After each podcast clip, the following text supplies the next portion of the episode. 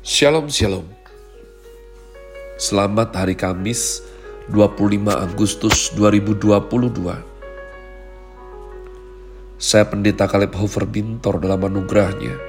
Penuh sukacita sampaikan pesan Tuhan melalui Grace Words yakni suatu program renungan harian yang disusun dengan disiplin kami doakan dengan setia supaya makin dalam kita boleh pengertian mengenai iman, pengharapan, dan kasih yang terkandung dalam Kristus Yesus.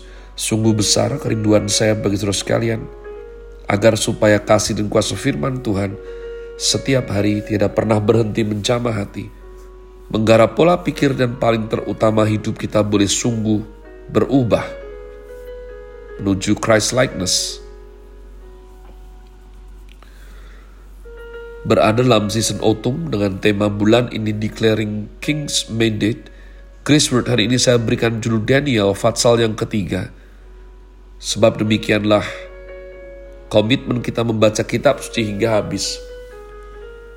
Sesuai agenda hari ini kita sudah mencapai Fatsal 3 kitab Daniel.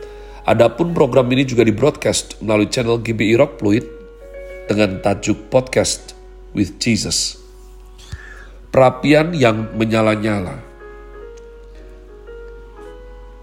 Raja Nebukadnezar membuat sebuah patung emas yang tingginya 60 hasta dan lebarnya 6 hasta yang didirikannya di dataran Dura di wilayah, di wilayah Babel. Lalu Raja Nebukadnezar menyuruh orang mengumpulkan para wakil raja, para penguasa, para bupati, para penasihat negara, para bendahara, para hakim, para ahli hukum, dan semua kepala daerah untuk menghadiri pentabisan patung yang telah didirikannya itu. Lalu berkumpullah para wakil raja, para penguasa, para bupati, para penasihat negara, para bendahara, para hakim, para ahli hukum, dan semua kepala daerah untuk menghadiri pentahbisan patung yang telah didirikan Raja Nebukadnezar itu. Dan berserulah seorang bentara dengan suara nyaring, Beginilah dititahkan kepadamu hai orang-orang dari segala bangsa, suku, bangsa, dan bahasa. Demi kamu mendengar bunyi sangkakala, seruling, kecapi, rebab, gambus, serdam, dan berbagai-bagai jenis bunyi-bunyian. Maka haruslah kamu sujud menyembah patung yang telah didirikan Raja Nebukadnezar itu. Siapa yang tidak sujud menyembah akan dicampakkan seketika itu juga ke dalam perapian yang menyala-nyala. Sebab itu, Demi segala bangsa mendengar bunyi sangkakala, seruling, kecapi, rebab, gambus, dan berbagai-bagai jenis bunyi-bunyian. Maka sujudlah orang-orang dari segala bangsa, suku bangsa, dan bahasa, dan menyembah patung emas yang telah didirikan Raja Nebukadnezar itu. Pada waktu itu juga tampillah beberapa orang Kasdim menuduh orang Yahudi Berkatalah mereka kepada Raja Nebukadnezar, Ya Raja kekala hidup Tuanku. Tuanku Raja telah mengeluarkan titah bahwa setiap orang yang mendengar bunyi sangkakala, seruling, kecapi, rebab gambus serdam, dan berbagai-bagai jenis bunyi-bunyian harus sujud menyembah patung emas itu. Dan bahwa siapa yang tidak sujud menyembah akan dicampakkan dalam perapian yang menyala-nyala. Ada beberapa orang Yahudi yang kepada mereka telah Tuanku berikan pemerintahan atas wilayah Babel, yakni Sadrak, Mesak, dan Abednego. Orang-orang ini tidak mengindahkan titah Tuanku ya Raja. Mereka tidak memuja dewa Tuanku dan tidak menyembah patung emas yang telah Tuanku dirikan Sesudah itu Nebukadnezar memerintahkan dalam marahnya dan geramnya untuk membawa Sadrak, Mesak, dan Abednego menghadap. Setelah orang-orang itu dibawa menghadap raja, berkatalah Nebukadnezar kepada mereka, Apakah benar hai Sadrak, Mesak, dan Abednego, bahwa kamu tidak memuja dewaku dan tidak menyembah patung emas yang kudirikan itu? Sekarang jika kamu bersedia, demi kamu mendengar bunyi sangkakala, seruling kecapi rebab gambus serdam, dan berbagai-bagai jenis bunyi-bunyian. Sujudlah menyembah patung yang kubuat itu. Tetapi jika kamu tidak menyembah, kamu akan dicampakkan seketika itu juga ke dalam perapian yang menyala-nyala. Dan dewa manakah yang dapat melepaskan kamu dari dalam tanganku? Lalu Sadrak, Mesak, dan Abednego menjawab Raja Nebukadnezar, tidak ada gunanya kami memberi jawab Tuanku memberi jawab kepada Tuanku dalam hal ini. Jika Allah kami yang kami puja sanggup melepaskan kami, maka ia akan melepaskan kami dari perapian yang menyala-nyala itu dan dari dalam tanganmu ya Raja. Tetapi seandainya tidak, hendaklah Tuanku mengetahui ya Raja, bahwa kami tidak akan memuja Dewa Tuanku, dan tidak akan menyembah patung emas yang Tuanku dirikan itu. Maka Meluaplah kegeraman Nebukadnezar. Air mukanya berubah terhadap Sadrak, Mesak, dan Abednego. Lalu diperintahkannya supaya perapian itu dibuat tujuh kali lebih panas dari yang biasa. Kepada beberapa orang yang sangat kuat dari tentaranya, dititahkannya untuk mengikat Sadrak, Mesak, dan Abednego dan mencampakkan mereka ke dalam perapian yang menyala-nyala itu. Lalu diikatlah ketiga orang itu dan dengan jubah, celana, topi, dan pakaian-pakaian mereka yang lain, dan dicampakkan ke dalam perapian yang menyala-nyala. Karena titah raja itu keras, dipanaskanlah perapian itu dengan luar biasa, sehingga nyala api itu membakar mati orang-orang yang mengangkat Sadrak, Mesak, dan Abednego itu ke atas. Tetapi ketiga orang itu, yakni Sadrak, Mesak, dan Abednego, jatuh ke dalam perapian yang menyala-nyala itu dengan terikat. Kemudian terkejutlah Raja Nebukadnezar, lalu bangun dengan segera. Berkatalah ia kepada para menterinya, Bukankah tiga orang yang telah kita campakkan dengan terikat ke dalam api itu? Jawab mereka kepada raja, benar ya raja. Katanya, tetapi ada empat orang kulihat berjalan-jalan dengan bebas di tengah-tengah api itu. Mereka tidak terluka. Dan yang keempat itu rupanya seperti anak dewa.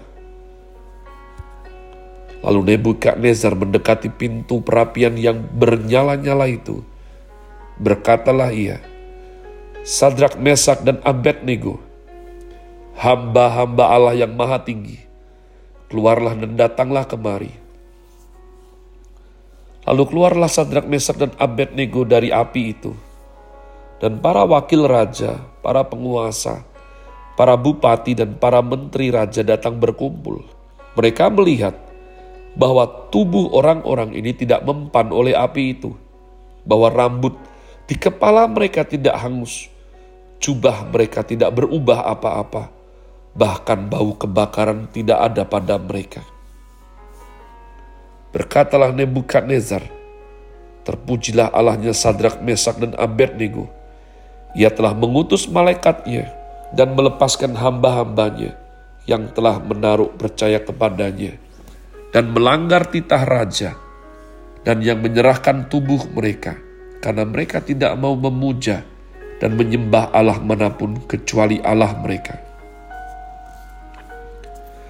Sebab itu aku mengeluarkan perintah bahwa setiap orang dari bangsa, suku bangsa atau bahasa mana pun yang mengucapkan penghinaan terhadap Allahnya Sadrak, Mesak, dan Abednego akan dipenggal-penggal dan rumahnya akan dirobohkan menjadi timbunan puing karena tidak ada Allah lain yang dapat melepaskan secara demikian itu.